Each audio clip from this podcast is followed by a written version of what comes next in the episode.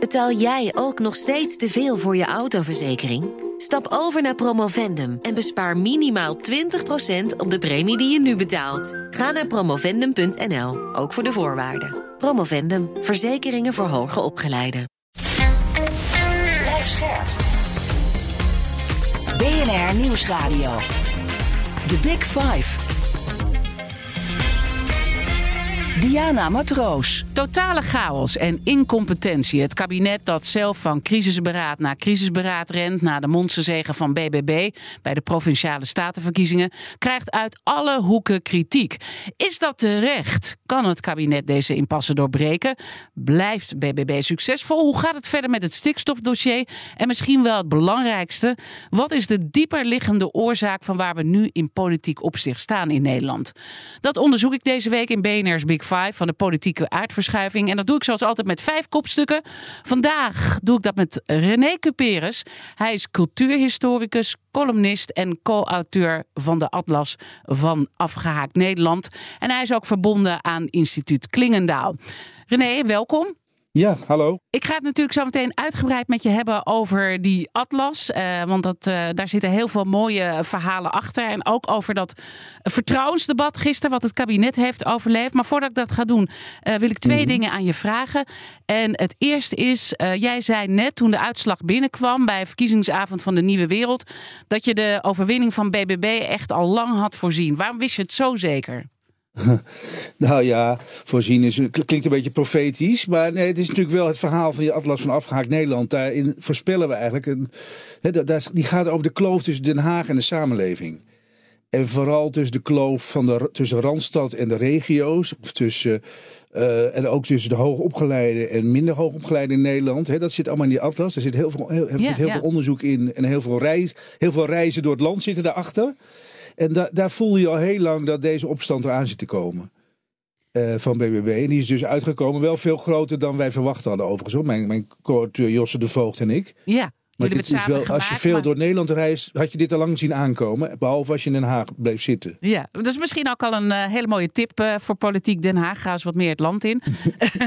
het tweede, ja, zeker. zeker. wat ik aan je wil vragen. Je bent hier al zo lang mee bezig. Um, wat fascineert je hier uh, aan? Uh, jouw collega met wie je het hebt gemaakt, uh, die was zelf eigenlijk, kwam een beetje buiten de maatschappij te staan. Dat was, en, en merkte zelf dat hij ook afgehaakt nee. raakte. Maar wat was het bij jou? Dat is waar, ja. Ja, Josse die, die is chronisch ziek, dus die heeft heel veel te maken met allerlei gezondheidszorgsystemen waar je helemaal de weg kwijtraakt als burger. Ja, dus dat is bij hem een heel sterke motivatie. Ja, bij mij niet zo heel, niet op die manier persoonlijk. Meer dus de algemene zorg over de toestand, de toekomst van ons land. Mm -hmm. Ik maak mij veel zorgen eigenlijk over Amerika bijvoorbeeld. De enorme polarisatie in een land als Amerika onder Trump. Of ook het uit elkaar vallen van Frankrijk, zie je. Hè? Ook enorme, enorme fragmentatie, polarisatie in Frankrijk tussen Macron en de flankpartijen. Uh, Italië, waar die postfascistische regering aan de macht is. Zweden, het sociaal-democratisch paradijs, waar de Zweedse populisten opeens aan de macht kwamen. Dus ik maak mij zorgen over het uit elkaar vallen van onze samenlevingen in Europa. En daar gaat die atlas eigenlijk voor een belangrijk deel over. Uh, zometeen die atlas, daar gaan we dan uitgebreid uh, op in. Maar uh, ja, we, ook even de actualiteit natuurlijk. Want dat vertrouwensdebat heeft ja. het kabinet overleefd. Hè? Dat weten we intussen. we hebben allebei de hele dag het zitten volgen. Hoe laat werd het voor jou? Met oortjes in, in bed uiteindelijk geëindigd. Na Ajax Feyenoord. Ja. Maar ja, half één of zo, wat was het? Ja. ja. Ja. Dus ik dat ja, de hele dag, hele dag oortjes in gehad, ja. zou ik maar zeggen. Ik heb er nog uh, oorpijn van. Ja, wat is je afdronk? Een lang debat. Ja, uh, nou, toch, ik, toch wel schokkend vind ik het eigenlijk, als ik heel eerlijk ben. In een aantal opzichten schokkend. Ik, nou, ik verbaas me er wel over hoe vastgelopen ons land is. He, dat, dat beeld hou ik aan over. Vastgelopen kabinet en vastgelopen land. Vastgelopen overheid ook. He. Als je de hele dag eigenlijk het alleen maar over stikstof hebt alsof de rest van de wereld niet bestaat, vind ik al vrij schokkend. Hè? Terwijl we in een oorlog met Oekraïne zitten. Nou, dat woord Oekraïne is nauwelijks gevallen. Mm -hmm. Dus dat vind ik schokkend. Hè? Dat het alleen maar over stikstof gaat en, en de vastgedraaidheid daaromheen. We zitten eigenlijk te kijken naar een kabinetscrisis in slow motion. Hè? Ik bedoel, dat, dat, is, dat is volgens mij op termijn gaat het helemaal, komt het helemaal niet meer goed met dit kabinet. Als je de harde vijandschap eigenlijk zie tussen D66 en CDA rondom stikstof. Dat zie ik eigenlijk niet meer goed komen. Dus daar zei, nou ja, een, een enorme regeringsonmacht straalde het uit, dat debat. Wat, daar, daar schrik je dan wel van. Ja, en, en, en, en dat is eigenlijk al een hele tijd gaande. Hè? Ook na die, die overwinning van uh, BBB zie je ook al die machteloosheid door een uh, vrij onduidelijke persconferentie op uh, vrijdagavond, waar het ging over Ja. versnellen en vertragen. Dat werd overigens wel toegegeven. Hè? Ja, ja. Ja, eh, maar, maar, maar je ziet dus die, die eh, machteloosheid. Wat hadden ze nou kunnen doen Mhm. om dat te, te doorbreken gisteren? Wat dus in, in jouw gevoel ook niet is gebeurd eh gisteren. Nee, waar het dus enorm aan ontbreekt is een geloofwaardig programma, geloofwaardig pro- pro- hè, project. Van hoe gaan we nou die toeslagenaffaire eh, vlot trekken? Hoe gaan, wat gaan we nou in Groningen doen om dat op te lossen? hè? Dus dat ontbreekt volledig. Dat, dat- gewoon een concreet plan, een plan, plan van aanpak, waardoor mensen weer vertrouwen en geloof krijgen in politiek en in dit kabinet. Mhm. In plaats daarvan wordt een enorme, enorme politieke spel gespeeld gisteren in dat debat. Hè, wel, het, is, het was vond natuurlijk heel dubbel. Aan de ene kant wilde iedereen heel veel recht doen aan die BBB-landslide-overwinning. de, de rode kaart van de kiezer of van de burger tegen dit kabinet. Alleen het symbool daarvoor, namelijk 2030 loslaten, omdat eh, we, die boeren veel te veel hebben overvallen met het stikstofbeleid, dat, dat werd dan opeens he- heel krampachtig vastgehouden. Dus het was heel dubbel. Aan de ene kant wilde men zogenaamd eh, het signaal heel serieus nemen. Aan de andere kant werd het, het symbool van dat signaal, namelijk 2030, hè, wat waarschijnlijk ook in die provincies eh, heel zwaar wordt ingezet door BBB, daar werd dan heel krampachtig aan vastgehouden. Dus ik heb een rare, ambivalent gevoel overgehouden, eerlijk gezegd, aan die hele dag debat. Mhm. Wie, wie, wie, wie, wie, wie, Ehm. wie vond je het, eh, nou ja, slecht? Dat klinkt altijd weer zo naar om het zo te zeggen. Maar eh, wie, heeft je, of wie heeft je het meest verbaasd of positief verrast? Mag ook. Ja, dat weet ik eigenlijk niet zo. Ik van Rutte, die, hè, die blij, zag, zag wel in allerlei commentaren dat hij goed overeind bleef. Ik vond wel zijn body language veel minder. Hè, dat kan ook door die ziekte of door de, de, de voedselvergiftiging van gisteren komen. Ik vond hem veel minder zelfvertrouwen uitstralen dan hij normaal doet. Hè, dus totaal, het is een beetje aangedaan. Aangedane premier. Hè, terwijl hij het retorisch allemaal wel goed deed. Maar ik, ik vond zijn body language niet zo heel erg sterk. Ander, minder dan anders. Dus daar, daar was wel, hè, alsof hij toch wel een enorme tik heeft gehad. Zowel van de kiezer als van de coalitiegenoten. Als ook met de motie van wantrouwen van de oppositie. Dus toch een beetje een premier die voelt dat zijn kabinet aan het wegglijden was. Dat gevoel kreeg ik sterk. En verder, ja, het, hè, dus, eh, ik, schrok hem wel, eh, als we het straks hebben we het nog wel over polarisatie, geloof ik, in de samenleving. Zeker, ja. De vijandschap tussen Wilders en Kaag vond ik niet heel prettig om te zien. Die is natuurlijk al heel lang aan de gang persoon. Ja. Ja, en dat, daar werd ook ingegrepen door de voorzitter wel terecht. En toen ging Wilders weer los op de voorzitter en zo. Dat, die, dat is ook iets, heel even los van, de, de, de Wilders doet het vaak wel knap en grappig en zo. Maar dat is wel, dat dat is wel een ontsporing van omgangsvormen waar heel veel burgers ook een hekel aan hebben in Nederland. Waar ze ook door afgehaakt raken. Als de politiek eigenlijk alleen maar met zichzelf bezig is en ruzie maakt en niet de problemen oplost. Dat, Mhm. dat is ook een van de grote oorzaken van afhaken. En dat woord, eh, om dat afhaken maar weer even erbij te pakken, dat viel ook ontzettend vaak Ja. eh, in het debat, eh, viel mij op. Ja. Vind, je, vind je dat ze het, ik bedoel, jij hebt die, de, de, die publicatie gemaakt, de Atlas van Afgehaakt Nederland. Werd het woord goed gebruikt? Want dat is ook altijd leuk met woorden, die worden dan aan de andere kant misbruikt natuurlijk. Ja. Nee, dat heeft enorm school gemaakt, het begrip afhaken. En eh, die atlas werd ook wel zelf nog letterlijk genoemd in sommige bijdragen. En eerder debatten nog veel meer trouwens, omdat er inmiddels een heleboel eh, rapporten zijn verschenen van adviesraden die een beetje een kloon zijn van onze atlas. Dat, was, dat vond ik ook wel een van de meest indrukwekkende momenten in dat debat overigens. Nu je het daar toch naar vraagt. Dat was een, een aanvaring tussen Caroline van der Plas en Rutte. Waarbij Rutte zei hè, van ja, ik ben geschrokken van allerlei rapporten van adviesraden hier in Den Haag. Hè, de adviesraad, de Raad voor Openbaar Bestuur en de Raad voor de Leefomgeving. Allemaal van die hele chique adviesraden in Den Haag. Die hadden dan eigenlijk opgeschreven wat de kloof is tussen politiek en samenleving. En toen zei Caroline van der Plas, dat was vond ik indrukwekkend. Die zei van hou eens op met die dat u alleen maar vertrouwen hecht of geloof hecht aan, aan wat adviesraden hier in Den Haag opschrijven. De grootste adviesraad van Nederland is de Nederlandse bevolking. Ja. Die, daar, daar moet u naar luisteren en niet naar al die adviesraden. Dat vond ik echt een heel. Dat was En, heel en dat het interessant. jou zo eh, raakt, wat, wat, wat zit daaronder? Nou, dus een van de, van de analyses, hè, dat, het komt, dat kwam ook wel heel eerlijk bij sommige bijdragers naar voren hoor, is toch dat die politiek heel erg in zichzelf gesloten is geraakt. Hè. Ik kom heel vaak op die grote torenflats in Den Haag, op de departementen. Daar werken hele intelligente, creatieve, ook wel integere mensen. Maar wel heb je het gevoel dat ze enorm met de rug naar de samenleving staan. En heel druk met zichzelf bezig zijn. Met onderlinge afstemming en overleg. En dat, de- en dat deed, eh, en, dat deed eh, eh, En dat is natuurlijk BBB dus heel erg goed. door van der Plas. Ja, Hè? door dat te zeggen. Wat zegt u? Wat, nou ja, wa- wat, wat mij dus wel opviel bij eh, Caroline, is dat ze dit dus dan heel goed eh, blootlegt. Maar in eh, haar speech ging ze op een gegeven moment wel zo'n hele lijst. Die duurde ook heel lang Mm. met wat het kabinet allemaal niet goed Ja. eh, heeft gedaan. En eh, ja, daar had kwam echt alles werd eh, op één hoop gegooid. En toen dacht ik wel, nu wordt het een beetje makkelijk om zo'n enorm lange lijst en dat allemaal onder de, ja. op het tapijt te schuiven van, van het kabinet. Wat vond jij daarvan? Ja. Nou ja, ik had, vond het ook niet de sterkste bijdrage, moet ik eerlijk zeggen. Alleen maar litanie van klachten en alles los en vast bij elkaar geraapt. Enorme lijst van, van vier, minuten lang hebben ze geloof ik spreektijd. Terwijl, zonder enig eh, constructieve analyse daaronder of eh, wat, hè, wat, dan, wat er dan onder, onder die problemen ligt. Want daar ligt wel iets onder. Dat was ook, werd ook wel duidelijk in, in het debat gisteren. Namelijk, hè, die over- overheid is echt vastgelopen. Dat, dat, dat zeiden een aantal van die ministers ook, of vicepremiers.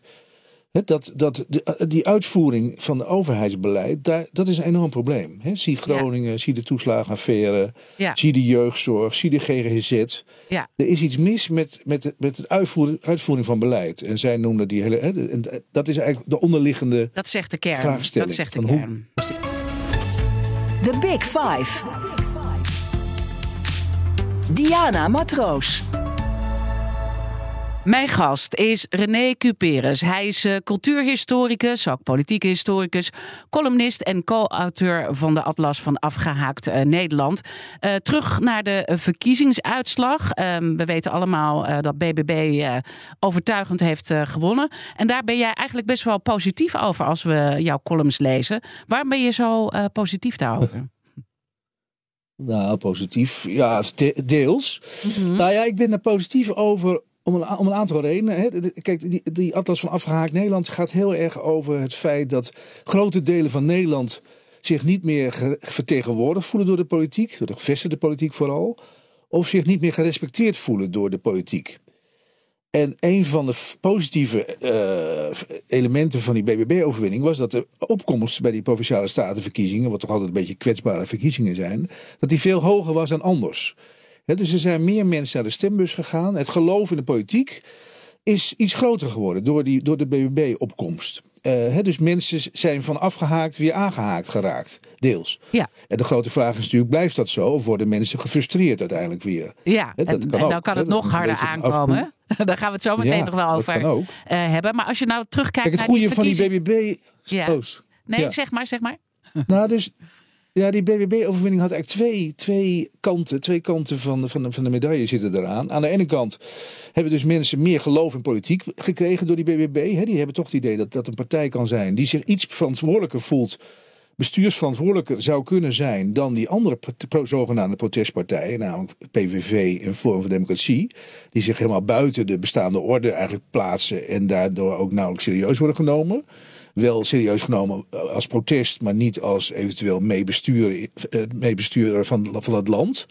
En de BBB heeft die partijen dus eigenlijk aan de kant gezet. En aan de andere kant is het een partij die de, die de stem vertegenwoordigt van mensen die zich nou niet gehoord voelen in Den Haag. En dat, dat is goed voor een democratie, denk ik. Zeker. Ehm, en als jij dan kijkt naar de belangrijkste inzichten van die uitslag. En ook kijkt naar de beweegredenen die daarachter zitten. En ook naar gebieden, want daar heb je ook eh eh, naar gekeken. Wat valt jou dan op? Ja. Ja, dus die BBB-overwinning, die was wel veel groter dan wij ook als experts zogenaamd eh, voorspeld hadden. Hè? Want hier aan de ene kant was dit de opstand van de regio's, hè, de opstand tegen de Randstad, de opstand, de boerenprotesten was dit eigenlijk de stem van. Ja, dat zie je ook terug, dat vooral hè, de provincies in het oosten en het noorden enorme BBB-overwinningen lieten zien, met name Overijssel, Drenthe, Friesland en Groningen.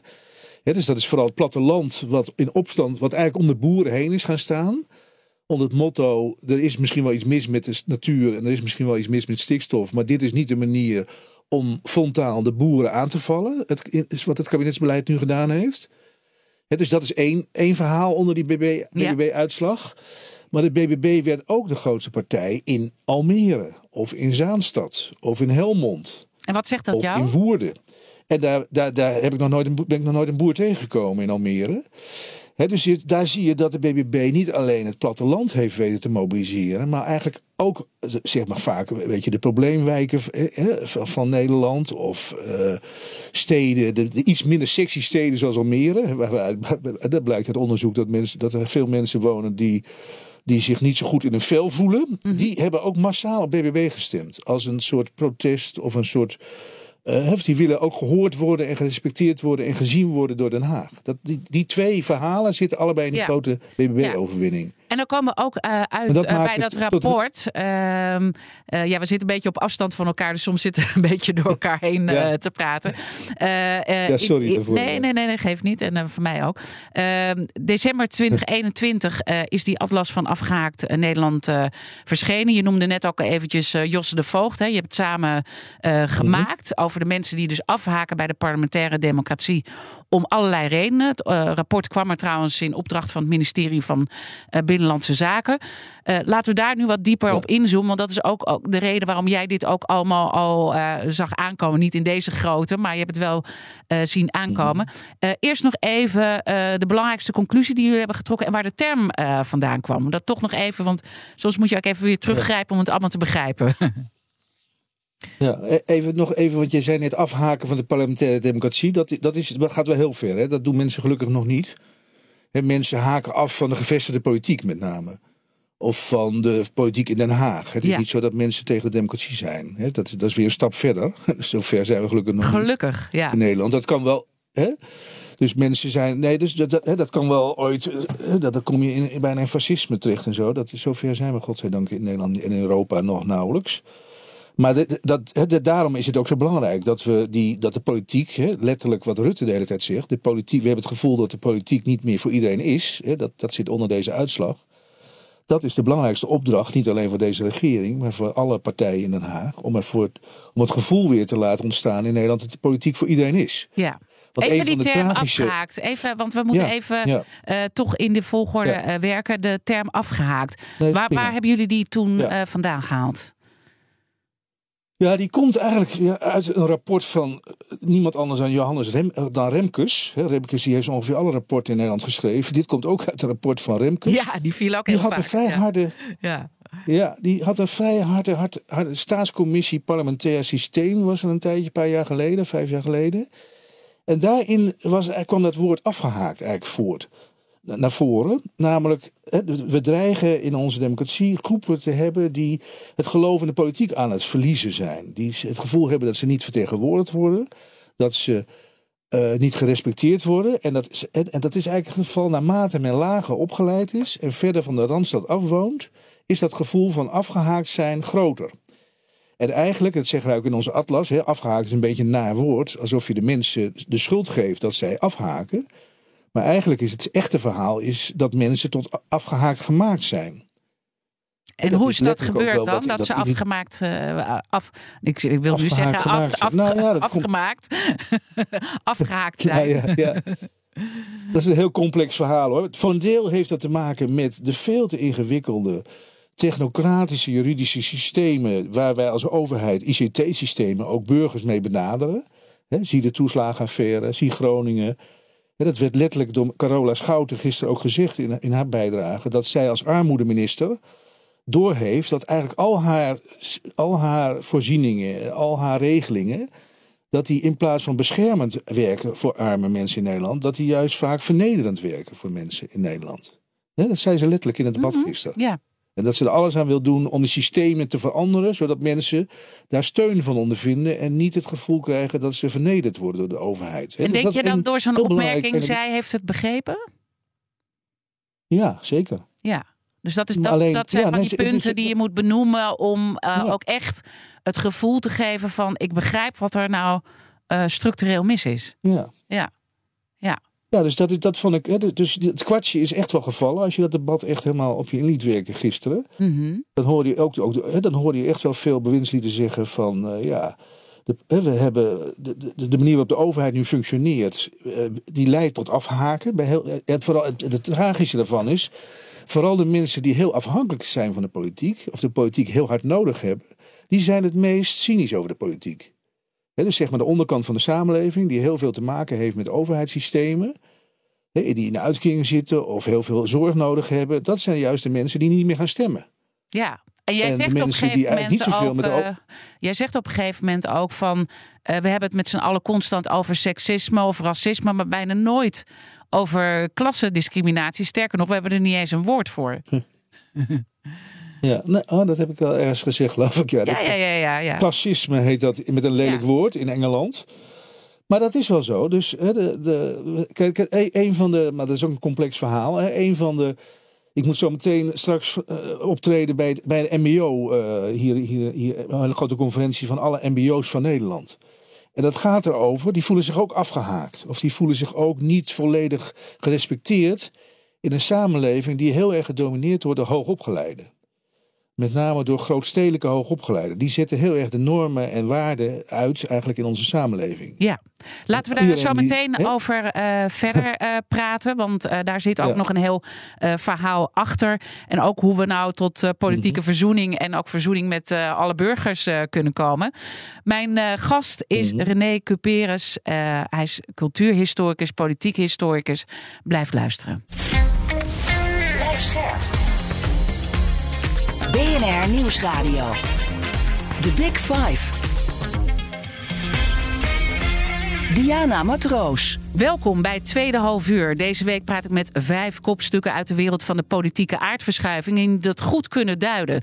Eerder sprak ik daar al over met Ilona Lagas, de lijsttrekker van de BBB in de Eerste Kamer. Over de monsterzegen van de partij sprak ik natuurlijk ook met haar. En eh, met VVD-prominent Ed Nijpels heb ik gesproken. En PvdA-prominent Gerdy Verbeet. Alles is zoals altijd terug te luisteren via onze BNR-app. Mijn gast vandaag is René Cuperus. Hij is cultuurhistoricus, politiek historicus, columnist en mede-auteur van de Atlas van Afgehaakt Nederland. Het komend half uur, eh, René, wil ik in ieder geval nog twee onderwerpen met je bespreken. Namelijk hoe het kabinet nu eh, verder moet in de komende twee jaar. En de grote verzoening tussen groepen eh, in Nederland. En ja, daar hebben we het over heel veel groepen. We hebben het over klimaatdeugers te- ten opzichte van klimaatvervuilers, Randstad, regio. Tevreden en ontevreden. Het is eigenlijk heel erg breed. En dat heb je net ook al de eerste contouren geschetst. Ook naar aanleiding van die atlas eh, van Nederland. En laten we op dat punt eh, wat verder inzoomen. Om toch nog even wat beter die atlas. Want misschien is het voor mensen ook een beetje. ehm, eh, weggezakt. Hoewel we de termen heel vaak horen, weten mensen soms niet meer eh, precies wat erachter zit. Eh, je, je hebt net al heel erg dat maatschappelijk be- eh, onbehagen genoemd. Maar als je kijkt naar de grootte van de groep. Hoe groot is nou die groep die zich niet meer gezien voelt, die zich afgehaakt, gemaakt voelt en of, of afhaakt? Hoe groot is die groep? Ja, dat hangt een beetje. Nou ja, zeg, kijk maar naar de BBB. Hè, dat, dat, de 30% heb je het wel over, minstens. Ja. En in sommige steden, ik kom in steden, hè, in Amsterdam wer- werk ik veel intensief, ik ga naar Arnhem nu ook. Bij gemeenteraadsverkiezingen stemt de helft van de stad al niet meer. Hè, Onderschat niet hoe. In, om, om, is 50% van Amsterdam stemt eigenlijk niet meer bij de gemeenteraadsverkiezingen. En dat is niet een willekeurige groep mensen die niet meer stemt. Nee, dus de binnenring, zeg maar, het rijke, welvarende deel van Amsterdam. Hè, die allemaal in, in, in mooie grachtengordel wonen. Die stemmen allemaal wel, heel braaf. Maar in Amsterdam Zuidoost of in Amsterdam West, Nieuw-West, daar, die, daar wordt niet gestemd. Nee, omdat het gewoon geen zin meer heeft of zo. Dat gevoel. Dat, ze hebben dat gevoel. Nou, die, hebben de politiek het, Ja. ja. die hebben de politiek het hardste nodig eigenlijk, zou je zeggen. Ja. hè, Qua sociaal-economische omstandigheden. Maar die zijn het vertrouwen in de politiek kwijt. En dat geldt in Arnhem ook. het arme deel van Arnhem stemt niet meer. En het rijke deel van Arnhem wel. Dat is, dat is waar die atlas over gaat. Van hallo, is, voor, is de politiek nog voor iedereen? Of is die alleen nog maar voor de rijke, welvarende, hoog, hoogopgeleide, gezonde mensen? Want wij zien een stempatroon, daar gaat die atlas over. Mijn, mijn collega Josse de Voogd is electoraal geograaf, heet dat chic. Ja. Dus die kijkt naar stem, waar, waar stemmen mensen nog? Hè, welke regio's stemmen ze niet en wel, welke regio's wel? En waar wordt wel of niet op de gevestigde politiek gestemd? Of waar wordt juist tegen het establishment gestemd? Daar gaat die atlas over. En dan schrik je van de patronen die in Nederland zichtbaar zijn. En dat is een voorwaarschuwing geweest voor, die, voor zowel Ja. de boerenprotesten als voor de opkomst van BBB. En ligt dat nog even toe? Want jullie hebben ook gegevens gebruikt van het, eh, als het gaat ook over eh, eh, patronen die jullie hebben ontdekt. Jullie hebben allerlei gegevens ook van de RIVM, de GGD, CBS, allemaal gecombineerd. Hè? Dus het is echt ergens echt op gebaseerd en heel veel gesprekken ook gevoerd. Wa- wat is dan echt het meest opvallende wat naar voren komt? Ja, dat is, ja, dat is, dat is natuurlijk heel veel over te zeggen in een korte tijd. Ja. Maar nou, een van de meest positieve verhalen uit die atlas, en daardoor werd hij ook wel veel opgemerkt in Den Haag, is dat er is een regio in Nederland, hè, dat, Noordoost-Nederland, eigenlijk het BBB-gebied als je heel eerlijk bent. Hè, dus dat is Overijssel, Drenthe, Friesland, Twente. Dat is een gebied wat eigenlijk als je op de kaarten kijkt helemaal niet zo rijk is. Hè, wat, wat sociaal-economisch vrij gemiddeld is. Waar ook heel veel niet hoogopgeleiden wonen. En anders dan in de andere delen van Nederland, in de grote steden met name, hè, daar zie je dat vooral de, de rijkere, hoogopgeleide gelukkig zijn en vinden dat de goede kant op gaat met Nederland en de andere deel van de stad niet. Dit is nou net een deel van Nederland waar men eigenlijk heel gelukkig is en goed in zijn vel zit. Hè, dat, dat noemen ze ook wel de Friese paradox in Friesland. De welvaart is relatief laag in, in Friesland, maar het geluksgevoel, het welzijn is heel hoog. En hoe komt dat nou? Omdat, omdat de samenleving daar nog heel sterk is. Daar is heel veel gemeenschapskracht. Hè, dat heet daar nabuurschap in, in Oost-Nederland of meanskip in Friesland. Ja. En het blijkt dat in steden en dorpen waar heel veel samenlevingsgevoel bestaat, dat men daar, ondanks het feit dat je niet zo rijk bent en ondanks het feit dat je niet zo hoog opgeleid bent, dat je toch in deze samenleving eigenlijk heel, heel goed in je vel kan zitten. En als je dat gebied in Noordoost-Nederland, dat lijkt eigenlijk sociaal-economisch een beetje op West-Brabant, Ja. hè, rondom Roosendaal. Mhm. Dat is een gebied waar mensen veel minder gelukkig zijn. En veel ongezonder zijn. En veel minder bloed doneren aan het Rode Kruis. En waar veel minder vrijwilligerswerk is bijvoorbeeld. Dus dat is een, heel, dat is een hele interessante... Ja, dus eigenlijk van zeggen jullie hele grote van- verschillen eigenlijk. Ja, eigenlijk zeggen jullie de gezondheidskaart eh, van Nederland is ook een politieke kaart van Nederland. En daardoor Ja. konden wij zo goed ook voorspellen wat er zou eh, eh, gebeuren nu. In, de uitslag die we nu allemaal, iedereen op zijn manier aan het verwerken is. Nou ja, ja, nou, ja. Ja. Het, het is heel tragisch vind ik dat. Hoe, hoe, hoe ongezonder je bent, hoe minder je geloof hebt in de politiek blijkbaar. Of je bent heel druk. Hè. Dat is eigenlijk de echte reden, is men is aan het overleven. Er zitten heel veel mensen, dat, dat blijkt ook wel uit al die voedselbankverhalen nu in het Rode Kruis, wat met voedsel bezig is. We onderschatten hoeveel mensen aan het overleven zijn. In de overlevingsstress zitten in Nederland en daardoor ongezond zijn. ja. Waar, en, en, en heel ver afstaan van politiek of van stemmen. En, en het tragiek is eigenlijk dat juist die mensen de politiek en goede regelingen en beschermende regelingen het hardste nodig hebben. Mhm. Maar het, het minst bereikt worden door de politiek. Ja, want ik zag ook in, in jullie dus rapport daar- ergens staan van eh, de kaart, eh, die, die maakte uiteindelijk duidelijk dat eh, waar de meeste mensen met obesitas wonen, daar, daar zijn opmerkelijke gelijkenissen met de geografische verspreiding van PVV-stemmers. En hetzelfde gold eh, voor medicijngebruik. Ik- ja, ik vind dat toch wel, dat is echt ja, opvallend. Is een hele rare, hele rare koppelingen zijn dat. Hè? Alsof, dus nee, daar moet je bij oppassen. Nou ja, dat, is, dat, is, dat, dat laat zien dat hoe, hè, hoe, onge, hoe, eh, hoe ontevredener je eigenlijk, eh, of hoe, nou ja, hoe ongelukkiger je in het leven bent, Mhm. hoe minder de gevestigde politiek voor jou blijkbaar de uitweg is. En dat vind ik wel, hè, dat, is, dat moeten we goed op ons laten inwerken. Dat blijkbaar mensen die echt in nood zijn, dat die zelfs in onze hele rijke, welvarende eh, Nederland, hè, met een eh, zogenaamd hele, hele goede, voorzieningen en verzorgingsstaat, dat die aan het, het gevoel krijgen dat die overheid en politiek niet meer voor hen is. Dat Ja. is volgens mij het harde signaal Ja. van deze verkiezingen. Ja. En je zag dat kwartje ook wel, hè, als je goed luistert naar, die, naar het debat gisteren, zag je ook dat dat kwartje eigenlijk wel aan het vallen is in Den Haag. Alleen heeft men nog niet de Nee. weg gevonden om echt het te veranderen. Hoe we ermee om. Nou, laten we daarover praten. Hè? Want eh, jij schreef eh, net na de uitslag van de recente verkiezingen in NRC. De verkiezingsuitslag dwingt Mhm. tot een grote verzoening. Zowel de BBB als Bestuurlijk Nederland dragen een grote verantwoordelijkheid. En dan moet je natuurlijk ook eh, goed benoemen wie er met wie verzoend moet worden. Je hebt al een paar dingen genoemd. Hè? De Randstad versus de regio komt ook wel in jouw verhaal eh, naar voren. Mensen die eh, eh, nou ja, in, in armoede leven. En dus je ziet ook een relatie met gezondheid. Maar het klimaat heb ik je nog niet zo horen benoemen. Als je kijkt naar de Nee. verkiezingsuitslag. Dat klimaat speelt natuurlijk ook een belangrijke rol. Dan heb je ook twee uitersten natuurlijk tegenover elkaar staan. Hoe kijk jij daarnaar? Ja. Nee, dat is een goede vraag. Want het, gaat, dat wordt eigenlijk niet zo onderkend nog. Dit zijn natuurlijk dit zijn de tweede klimaatverkiezingen die we gehad hebben. Vier jaar geleden was Forum voor Democratie de grootste partij, tot ieders verbazing. Hè, Baudet met die, met die uil. Ja, Dat, ging ook, dat was een verkiezing vlak na het klimaatakkoord. Nadat dat klimaatakkoord was aangenomen. Met allemaal, weet je wel, allemaal, waar, van de burgers allemaal het gevoel hadden dat we daar niet echt aan tafel zaten. Toen kwam, er was ook een massief protest over eigenlijk klimaatbeleid. Was de opkomst van Forum voor Democratie toen. Dit zijn de tweede klimaatverkiezingen, deze provinciale statenverkiezingen. Ja. Die gingen natuurlijk voor een belangrijk deel over stikstof.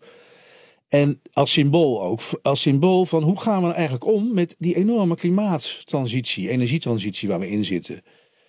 En een van, de, hè, een van mijn eh, dingen waar ik heel druk mee ben, is klimaatrechtvaardigheid. Hè. Dus ik, ik, prima dat we met z'n allen een hele ingewikkelde, complexe klimaat- en energietransitie met elkaar aangaan. Alleen mensen hebben heel sterk het gevoel dat dat op een onrechtvaardige manier gebeurt ja. dat de kansrijken daar meer van profiteren dan de kansarmen. En zo'n, en enorme complexe transitie kan alleen maar werken als mensen het gevoel hebben dat het eerlijk toegaat en rechtvaardig is. En dat, dat, dat is het symbool ook van deze BBB-uitslag. Dat men het gevoel heeft, ja hallo. Ik, dat vind ik, ik, ik, kom, ik, ik werk veel in de grote steden. En je wil niet weten hoe daar over het platteland of over boeren wordt gesproken. Hè, Dat gebrek aan respect voor het platteland en voor de niet-Randstad en voor de niet-grote steden, dat, dat, dat is een manier waarop je eh, van Ja, en, en, kijk, en daar is natuurlijk nu heel veel eh, eh, aandacht voor. En dat, dat, heeft BBB Mhm. ook weten te bereiken. En daar hebben we het nu continu over. Maar ik, ik hoor ook Mhm. al die mensen die zich heel erg zorgen maken over de planeet. En dat is echt niet alleen grachtengordel. Hè, dat is echt denk ik ook wel wat, wat breder dat dat gevoeld wordt. Of misschien zeg jij dat het wel alleen grachtengordel is. Maar, maar hè, de- de- zijn de- de- ja, wat is het toch alleen grachtengordel? Nou, dat, nou ja, het is, kijk, klimaat was. Kijk, dat, vind, dat, dat, dat is deel van het, van het verhaal van die Atlas van Afgehaakt Nederland. Is dat de thema's van hoogopgeleid Nederland veel zwaarder tellen dan de thema. Hè, dus de- ik zeg altijd: de helft van Nederland ligt wakker van het klimaat. De andere helft van Nederland ligt wakker van migratie en wonen. Ja. En migratie is veel minder gerespecteerd thema in de politiek dan klimaat. En dus dat, het gaat om evenwicht en balans. En dat, die balans in Den Haag, dus, en dat heeft ook ermee te maken dat de, dat is ook een verhaal van, die, van, van, van onze analyse, is dat de volkspartijen in crisis zijn. Dat de verbinding in de samenleving die we vroeger hadden, binnen het CDA, binnen de PvdA, binnen de VVD, binnen de zuilen vroeger, al die verbindingen die we vroeger in onze samenleving hadden, die zijn kapot of die zijn in crisis. Ook de verbindingen tussen grote steden en platteland, of tussen Zuid-Nederland en Noord-Nederland. Dat, is allemaal, dat is allemaal. Oké, Dus je hier, moet, zit al, als je een- zo- hier zit al een eh, deel van de Ja. oplossing is. Laten we daar zo meteen over verder te praten. Mhm. BNR Nieuwsradio. The Big Five. Diana Matroos. Je luistert naar BNR's Big Five van de politieke aardverschuiving. Morgen dan sluit ik de week nog af met Karin van Oudenhoven. Zij is directeur van het Sociaal en Cultureel Planbureau. En doet natuurlijk ook heel veel onderzoek naar hoe het in Nederland gaat. En hoe we ons eh, voelen en eh, ja, hoe gelukkig we zijn. Mijn gast vandaag is René Cuperus. Hij is cultuurhistoricus, columnist en mede-auteur van de Atlas van Afgehaakt Nederland. En we kwamen tot een belangrijk eh, punt, René, waar je eigenlijk ziet ook eh, je eigenlijk iets aangeeft wat er nu eh, moet gebeuren. Wat moet er in de kern gebeuren om hier nu echt een versnelling en dat we ook straks naar een ander debat eh, zitten te kijken waar niet alleen het een beetje eh, binnenkomt bij de mensen in Den Haag waar het over gaat, maar dat er ook wordt doorgepakt. Ja, dat is een grote vraag. Ik, ik, denk, ik ben zelf eigenlijk voor nieuwe verkiezingen, als ik heel eerlijk ben. Als Ja? je dat zo ziet. Ja. Dit, is vast, dus kabinet vind ik vastgelopen. Er moet echt, elke partij moet opnieuw eigenlijk hè, zelfkritiek beoefenen. En nagaan wat gaat er nou eigenlijk mis in die overheid. Wat gaat er mis in de politiek. En echt dus een heel serieus programma opstellen. Waar ook een hele goede maatschappelijke reality test in zit. Hè? Want al dat beleid is makkelijk om achter een beeldscherm allemaal mooi beleid te maken. Maar het gaat om de reality test in de werkelijkheid. Ik, volgens mij hebben we echt een reset nodig in Den Haag. Uh, om, om, om op een andere manier met de samenleving om te gaan. Om, om beter door te krijgen hoe groot die kloof eigenlijk is tussen de gevestigde politiek en de samenleving. En om nieuwe verbindingen te leggen. Ja. Ja. tussen Den Haag en, en, en provincies. En, ja. en, en, en, speelt jouw P van de A-hart hier dan ook een, een, rol? Want dat zou misschien ook wel goed zijn voor die nou, partij. Mijn PvdA-hart klopt heel, heel zachtjes. En ik ben heel erg slapend lid geworden. Ja. En eerlijk gezegd, nou, ik, ik, ik ben, nee, ik, ik, ik vrees dat de PvdA dus in zijn oude vorm al overleden is. Ja. Uh, en, hè, dus juist, ja. juist symbool is voor, voor het, nou ja, symbool is voor het teloor gegaan van allerlei verbindingen die in die samenleving bestonden. Ja, want, da want daardoor heeft dit eigenlijk kunnen ontstaan. Doordat zij dat, dat gevoel, eigenlijk wat je nu ook bij het CDA uh, uh, ziet, was natuurlijk eerder bij de ja. PvdA het probleem. Zeker. Ja. Totale implosie van die volkspartijen. Het lukt die partijen niet meer, is niet meer gelukt, hè, om, om, om, om Nederland in zijn breedheid te vertegenwoordigen. Om, om, om, om het land bij elkaar te houden in al zijn verschillende vormen en, en soorten. Mm -hmm. En dat gaat met name over grote steden en niet grote steden, hoogopgeleide en niet hoogopgeleide. Dat is heel moeilijk om dat nog samen te brengen. Ja. En dus uh, klimaatvervuilers en klimaatdeugers, hè? dat moet ook nog bij elkaar. Er zijn veel ja, dingen die bij elkaar uh, ja, Klimaat is een splijts van. Ja, ja. Het is ook een splijts van tussen generaties. Hè? Ja. En je ziet dat jongeren hè, terecht helemaal, helemaal hoog tot de botel zijn over klimaat. Maar iets te veel vind ik soms. Hè, maar soms hè, bedoel, iets te veel van de. Uh, ik, ik, hoef maar een half uur met een GroenLinkse te praten. En de democratie is bijna opgeheven als je niet oppast. Hè, dan is dat, die klimaatapocalypse wordt zo zwaar voorgesteld dat we bijna alles moeten dat veranderen om, die, om die tegen te gaan. Ja, ja, ja. ja dat is een, vind ik gevaarlijk, uh, iets ja. fanatiek. Maar dus je ziet wel, we zitten in een hele belangrijke overgangstijd. Hè, waarbij we de democratie eigenlijk opnieuw moeten uitvinden. Mm -hmm. Waarbij we partijen weer opnieuw moeten uitvinden. En vooral de uitvoering van het overheidsbeleid. Dat is, daar zit, dat is echt de key. Als we dat niet. Als we daar niet betere uh, manieren voor vinden om beleid op een rechtvaardige manier te laten landen in de samenleving, dan, dan... houden we heel veel van dit soort debatten, vrees ik. Laten we uh, ook even een uh, andere gast erbij halen. Want we hebben altijd de kettingvraag. En mijn gasten stellen elkaar dus vragen. In de vorige aflevering sprak ik met Ilona Lagas. Hij is lijsttrekker voor de BBB en beoogd fractievoorzitter in de Eerste Kamer. En die had deze vraag voor jou. Luister maar. Ja, hij heeft uh, met een collega de Atlas van Afgehaakt uh, Nederlands geschreven. En uh, waarom dat hij, hij vindt het belangrijk, schrijven ze daarin, om te begrijpen wat de polarisatie langs de nieuwe scheidslijnen kan temperen. Daar is hij naar op zoek. Maar ik ben nou zo benieuwd hoe René ons nu zou adviseren om alvast polarisatie te gaan temperen. Mooie vraag. Ja, hele mooie vraag. Hele mooie. Ja, heel leuk. Gefeliciteerd. met haar mooie overwinning natuurlijk. Ja. Uh, nou ja, ik heb er natuurlijk wel veel over gezegd. Veel heeft te maken met teloorgegane verbindingen in de samenleving. Hè, tussen, tussen Randstad en niet-Randstad. Tussen uh, ho, hè, wat dan theoretisch en praktisch opgeleide heet. Op een chique manier. Dus dat, da, daar is die BBB-overwinning. Kan daar een belangrijke rol in spelen. Mm -hmm. Ook, hè, dus ik heb ook in het NRC-stuk gezegd, zowel bestuurlijk Nederland heeft een hele grote verantwoordelijkheid om die kloof te dichten met de samenleving. Maar ook BBB heeft een belangrijke verantwoordelijkheid om de polarisatie te temperen.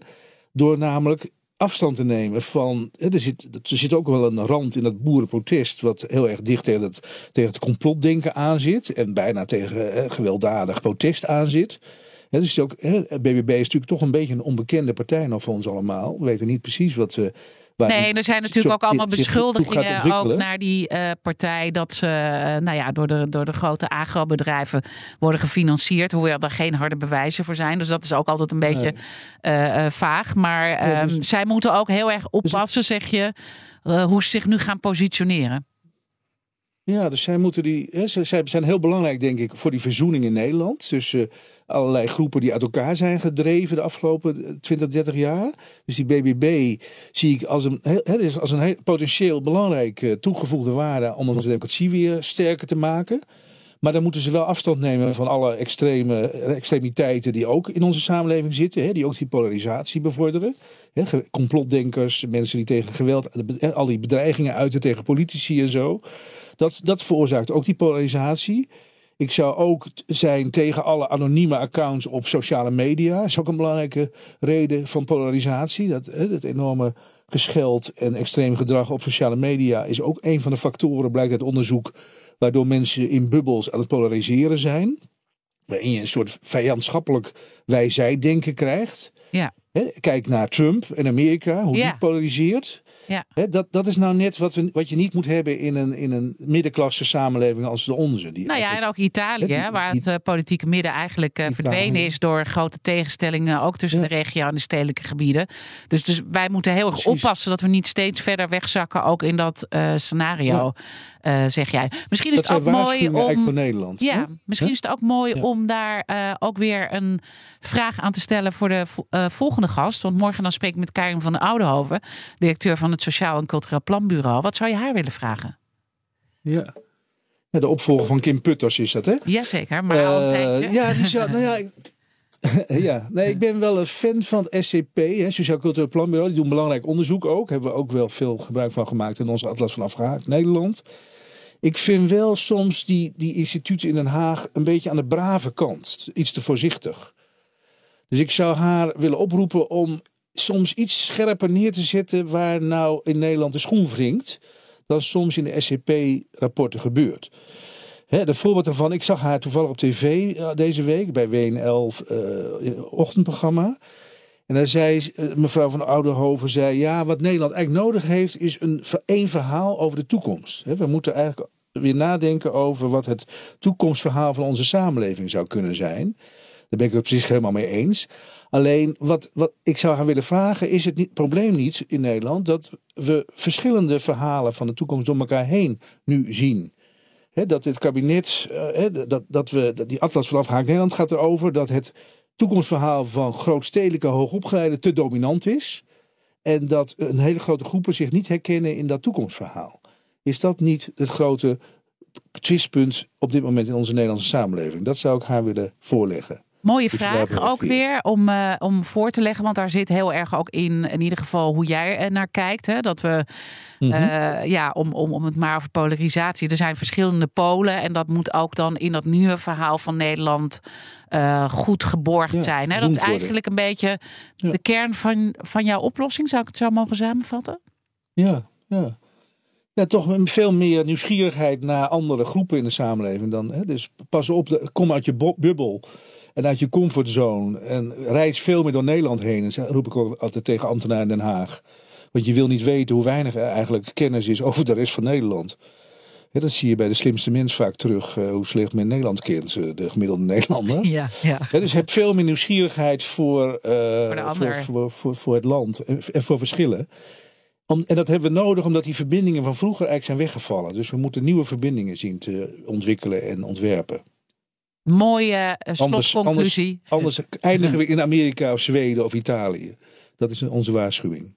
Dankjewel. Dankjewel René Cuperes, cultuurhistoricus, columnist en mede-auteur van de Atlas van Afgehaakt Nederland. En natuurlijk zijn alle afleveringen van BNR's Big Five zoals altijd terug te luisteren. Abonneer op onze podcast via onze app of je favoriete podcastkanaal. Dan weet je zeker dat je niks mist. Ik wens je een mooie dag. Betaal jij ook nog steeds te veel voor je autoverzekering? Stap over naar Promovendum en bespaar minimaal 20% op de premie die je nu betaalt. Ga naar promovendum.nl, ook voor de voorwaarden. Promovendum, verzekeringen voor hoger opgeleiden.